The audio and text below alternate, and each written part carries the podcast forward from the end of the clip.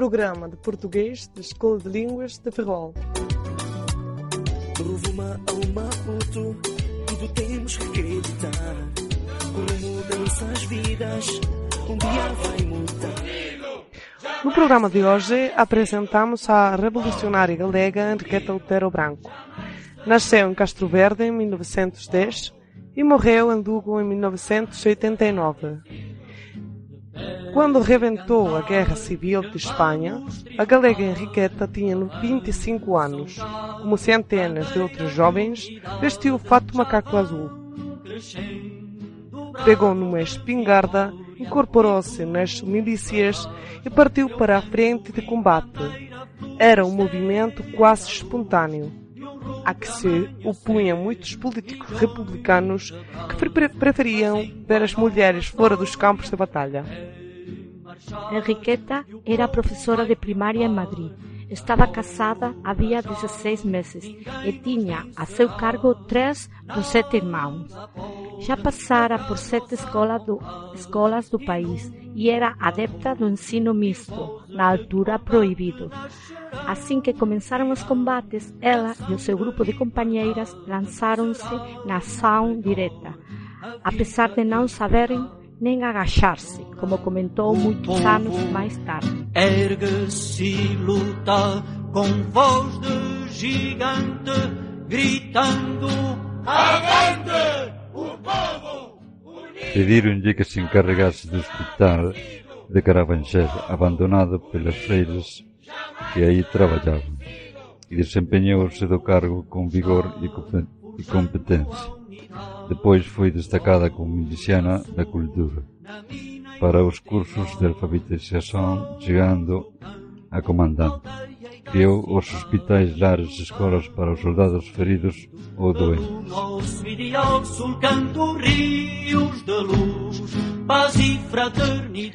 Cando soubo do apelo para depor as armas feito por Casado, o xefe do goberno republicano decidiu con outros compañeiros que era pior entregarse do que resistir. Cando os franquistas a foran prender en Madrid, fullir por un cano de esgoto. Conseguiu apañar un comboio e foi para Lugo. Alí refuxiouse na casa dun padre solidario. Denunciada, teve de fugir, de fuxir pela sacristía, axudada pelo padre. Así, comenzou a percorrer lugares e aldeas, tentando coordenar a resistencia galega contra o goberno fascista. En febreiro de 1946, ao fin de sete anos de clandestinidade armada, Enriqueta acabou por ser localizada pela Guardia Civil e acabou ferida cando unha rachada de metralladora a atingiu nas pernas. Foi levada ao hospital onde comenzaron os interrogatorios. A tortura foi de tal orden que, levada para outro hospital debe debe ser enyesada até o pescozo. Depois foi a odisea por case todas as cadeias para mulleres en España durante 19 anos, cando foi libertada en 1965.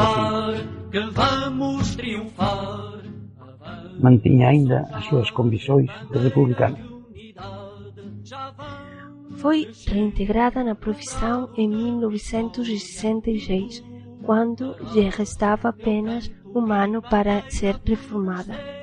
Criou a Asociación O Corriño, con a cual percorreu as estradas da Galiza en misión cultural, música, teatro, cinema, debates culturais, palestras, a semellanza do que facían as misións pedagóxicas da República.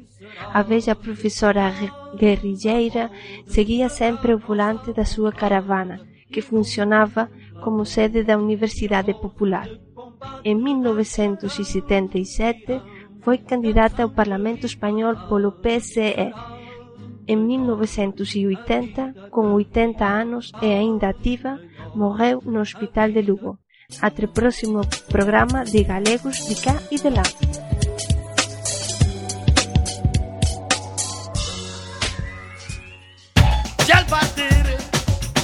beso y una flor, un te quiero, una caricia y un adiós.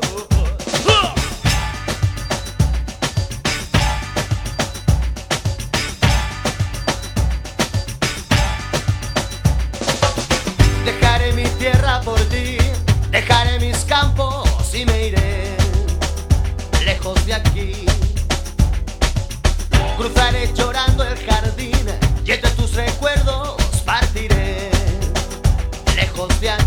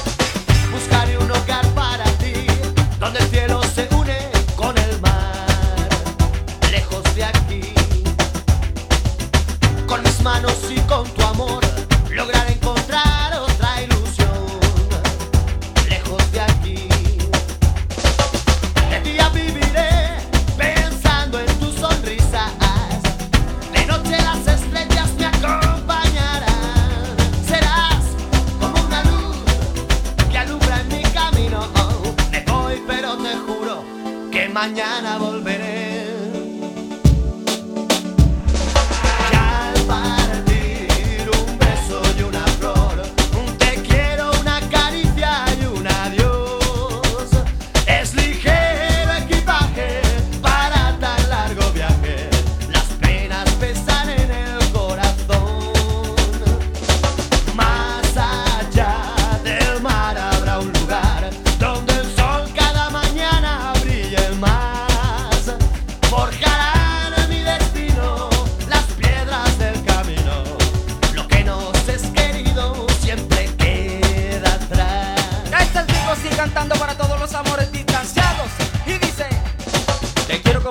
que me estoy despidiendo, pero a pesar de la distancia te llevo muy dentro, escuchando los sentimientos. Me voy a despedir de las viejas amistades para ver si puedo progresar en otras ciudades, nuevas oportunidades. En la mañana con los rayos del sol me visitará el brillo de tu rostro. Pero en la noche sufriré de nostalgias porque mis sueños me hablan de ti. Todos los días andaré con tu retrato para recordar lo que ahora te propongo. Que si me esperas por algún tiempo verás que de nuevo me tendrás aquí. Oye, y el coro que te dice así. Al partir un beso y un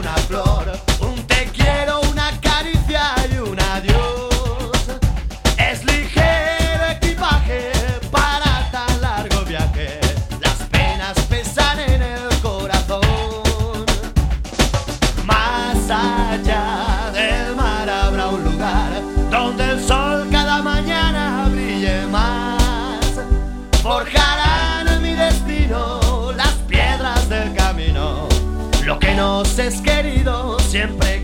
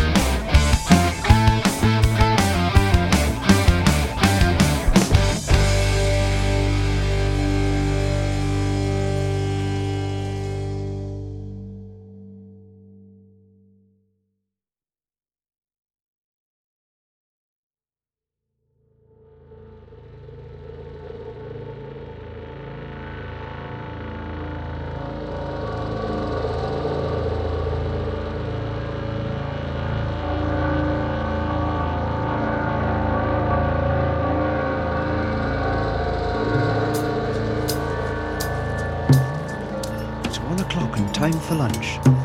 De dum de dum. When the sun beats down and I lie on the bench, I can always hear them talk. There's always been Ethel. Jacob, wake up, we got to tidy your room now.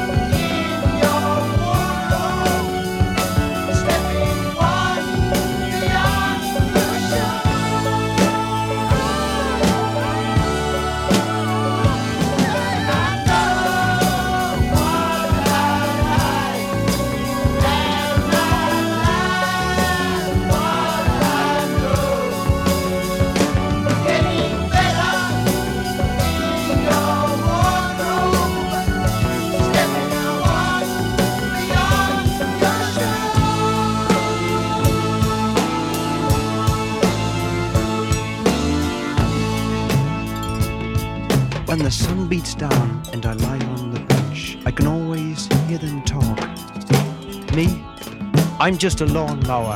You can tell me by the way I walk.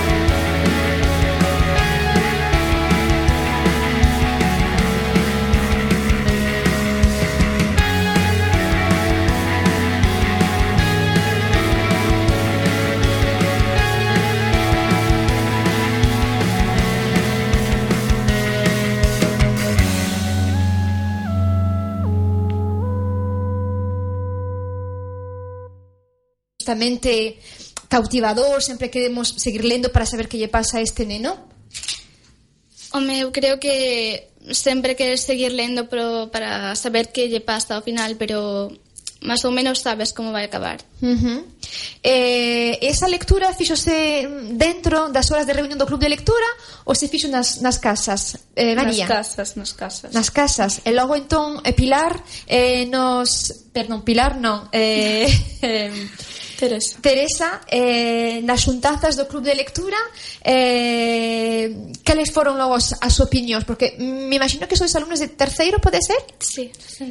Eh, cales foron as opinións en cerca, acerca do libro? Todo o mundo rematou de ler o libro, porque sabemos que nun Club de Lectura non é obriga de, de rematar, se non gusta, non se lê, mm-hmm. ah, eh, a que le por prazer. Eh, hubo maioría moita xente que o rematou? Hai que, hai que ler, hai que ler por? Prazer nos clubes de lectura. Sí.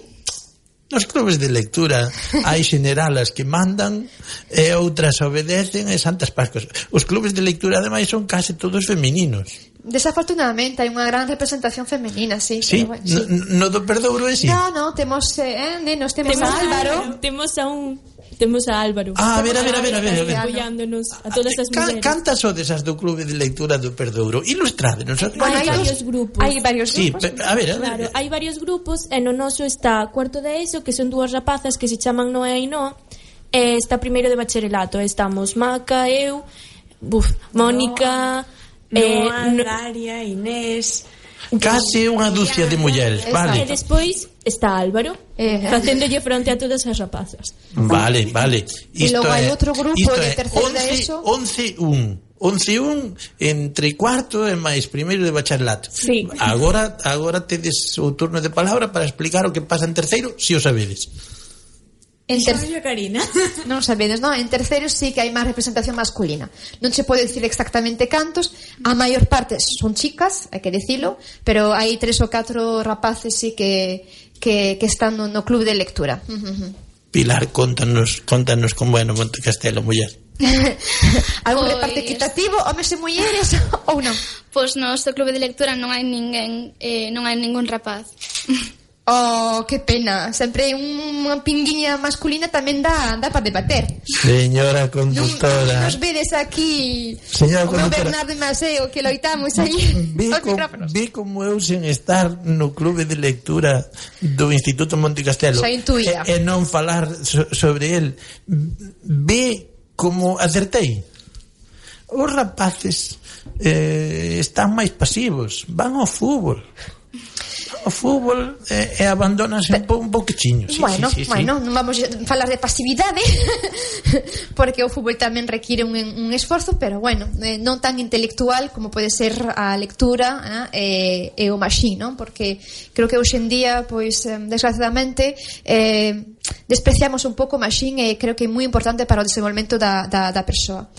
Mm, retomando a nosa actividade dentro do Club de Lectura do, do Monte Castelo, se decía logo que se escolleu ese libro, eh, esa novela eh, do brasileño José Mauro de Vasconcelos, meu pé de la Ranche Lima, porque unha profesora vosa eh, eh, foi a traductora en versión galego. Uh -huh. Folle fácil, difícil que vos comentou sobre a traducción? Cal é o rol dun traductor? Está en contacto co propio escritor? Neste caso, obviamente, imposible, non? ¿no? Porque a veces se fai difícil, non? Cando hai que facer unha, unha traducción póstuma. Debatiste sobre o rol do traductor ou da traductora? Sí. Adiante, eh, adiante. Eh, durante unha reunión previa a ler o libro, porque a profesora despois marchou para Cambados. Eh, o que pasou foi que ela non puido estar co, en contacto co traductor, co, eh, co escritor. Entón, lle resultou moi complicado facela e moitas veces desesperábase porque tiña que transmitir a dor e eh, en palabras eso sempre costou moito transmitir os sentimentos uh -huh. Eso foi o, o digamos o obstáculo eh, máis grande que tivo ela a hora de, de facer a traducción Sí E vos como lectoras eh, que vos parece esa profesión de cara a un futuro? Atractiva? Sí Sí? Ah, sí. aquí xa hai alguén que pertence ao mundo das letras, quizás? Sí. Sí? Ajá. Uh -huh. Eh, a ver, María, María, se tivese, se tivese que escoller, eu creo que, que María tería moitos problemas para escoller. Sí, eu, é que eu non sei, a min gustame moito as dúas cousas, tanto ciencias como letras, non E non, non están reñidas, non están reñidas para nada. Ciencias, non. ciencias e letras e eh, aínda aínda aínda outras artes. Música, pianista? pianista, sí. Ah, que fermosura. Entón, por iso digo que... Pluru, pluridisciplinaria. Nós niso no perdouro sabemos moito. Uh -huh. Niso no perdouro non, non é por presumir, é que sabemos moitísimo. Porque debe saber vosté que a nosa profesora de música é doutora en bioloxía, non licenciada en bioloxía, senón licenciada en bioloxía e doutora Torada. en bioloxía. O que pasa é que é profesora de música porque esa é a Porque a súa, paixón levou na por ese vocación, camiño, claro. É a súa vocación, acabou a carreira de bioloxía e eh, decidiuse pola música, porque podía podía escoller e María María durante o tempo que poda tamén vai combinar ou non? Sí, sí, eu a ver durante o tempo que, que, que poida, pois sí, eu combino. En canto non poida, pois a música gustame, pero non tanto tanto como para dedicarme, pero mentres poida, sí. As as, bueno, tanto estudos como música. Bueno, música tamén son estudos, pero uh -huh. bueno, Sí, sí, entendemos perfectamente. E agora falta nos ir de Pilar. Eh, Pilar, sí, sí, a ver.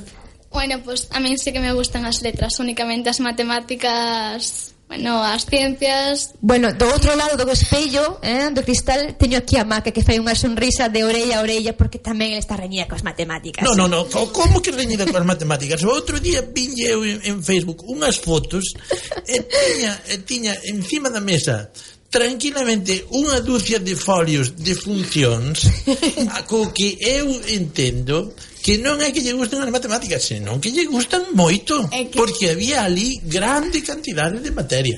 Os límites e levámonos moi, moi ben. Acabaramos, acabáramos. E aquí a señora conductora collendo e dicindo que vos levades mal. Que conste que non ven por facerlle a pelota ao meu profesor de matemáticas, ni moito menos, eh? no, eh, pero sí que tiña o examen outro día de, de límites, entonces por ali había funcións, bastantes funcións. A ver, quen non se leva así moi ben co, eh, cos límites. É dona Elena Valle de, eh, is, eh, por iso xa non está eh? é que, é que eu son lista e xa digo se si non me gustan pois voume por latín e por grego que a min gustame traducir entonces xa. Pilar o que quere, o que non entendín eu ben é se mm, Isabel Cornes foi ou non a se foi a, a vosa profesora se chegou a darvos clase algún tempo ou se simplemente estivo no colexio mas non vos deu a vos? Non, a non nos, a nos non nos deu clase porque estaba creo que estaba en segundo da ESO e nós xa estábamos en terceiro e tiñamos a, a outros profesores. Escoitamos antes unha a valoración que fixo Pilar que dixo, eh, desde logo, unha taza de caldo e non sete Eh, unha, unha vez eh, xa chega ben. O que non escoitamos eh, foron as outras dúas colegas se lle recomendarían a obra a unha terceira persoa ou se mesmo elas farían unha releitura ou non. Eh, non, rele, releitura tampouco non porque é revivir uns recordos que son bastante cruéis como o libro eh, pero sei que ah, a recomendaría a outra persoa uh -huh. E María? Sí, máis ou menos o mesmo eh, Reler o libro, pois... Bueno, en xeral a mí non me gusta reler libros Pero este, pois, non Si que o pasei un pouco mal Pero sí, recomendalo, sí, porque é un libro que, bueno, dá que pensar, entón, eu creo que bonito.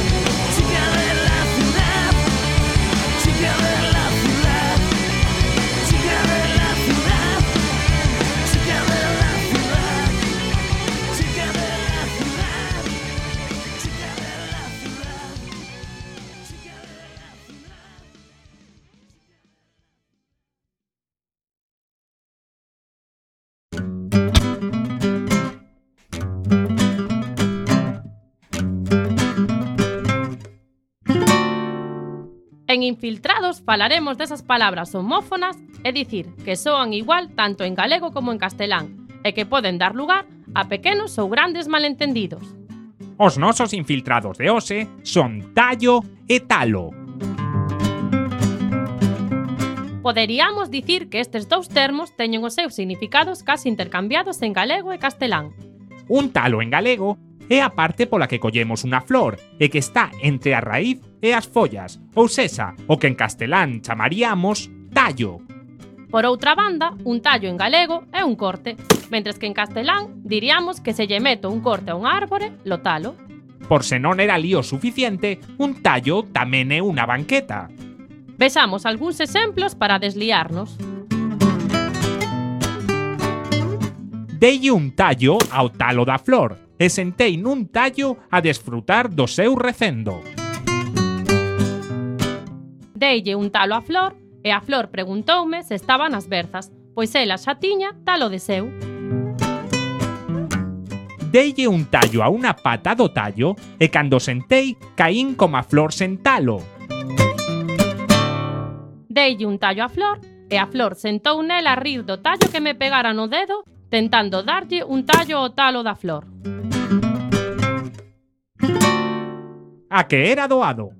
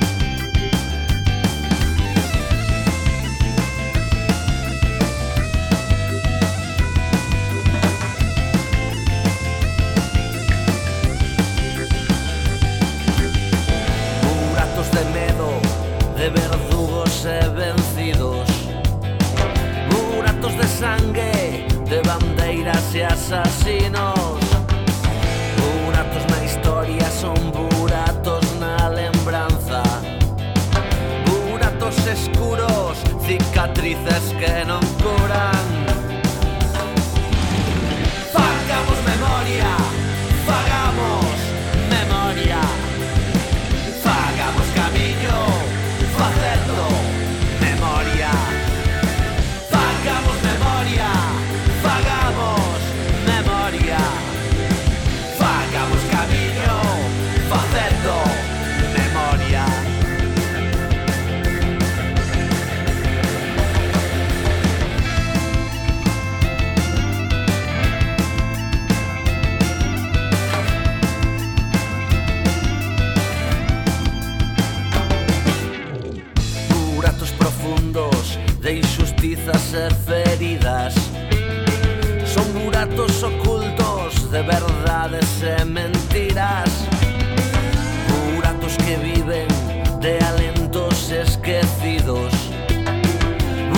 cantos tapiados que non deixan ver futuro.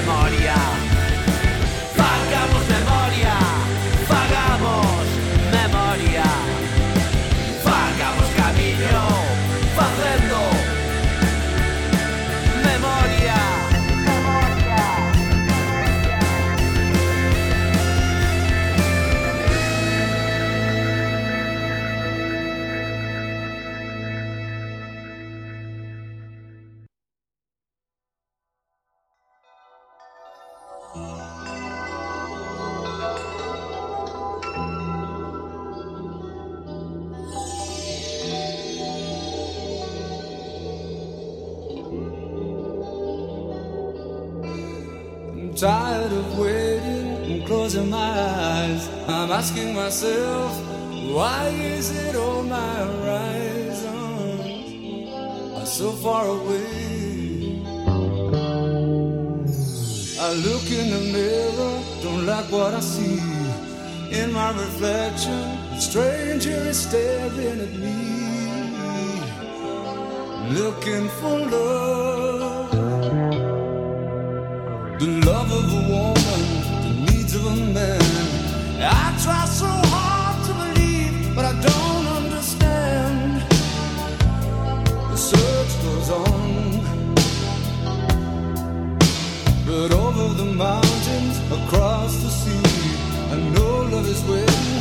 I hear it.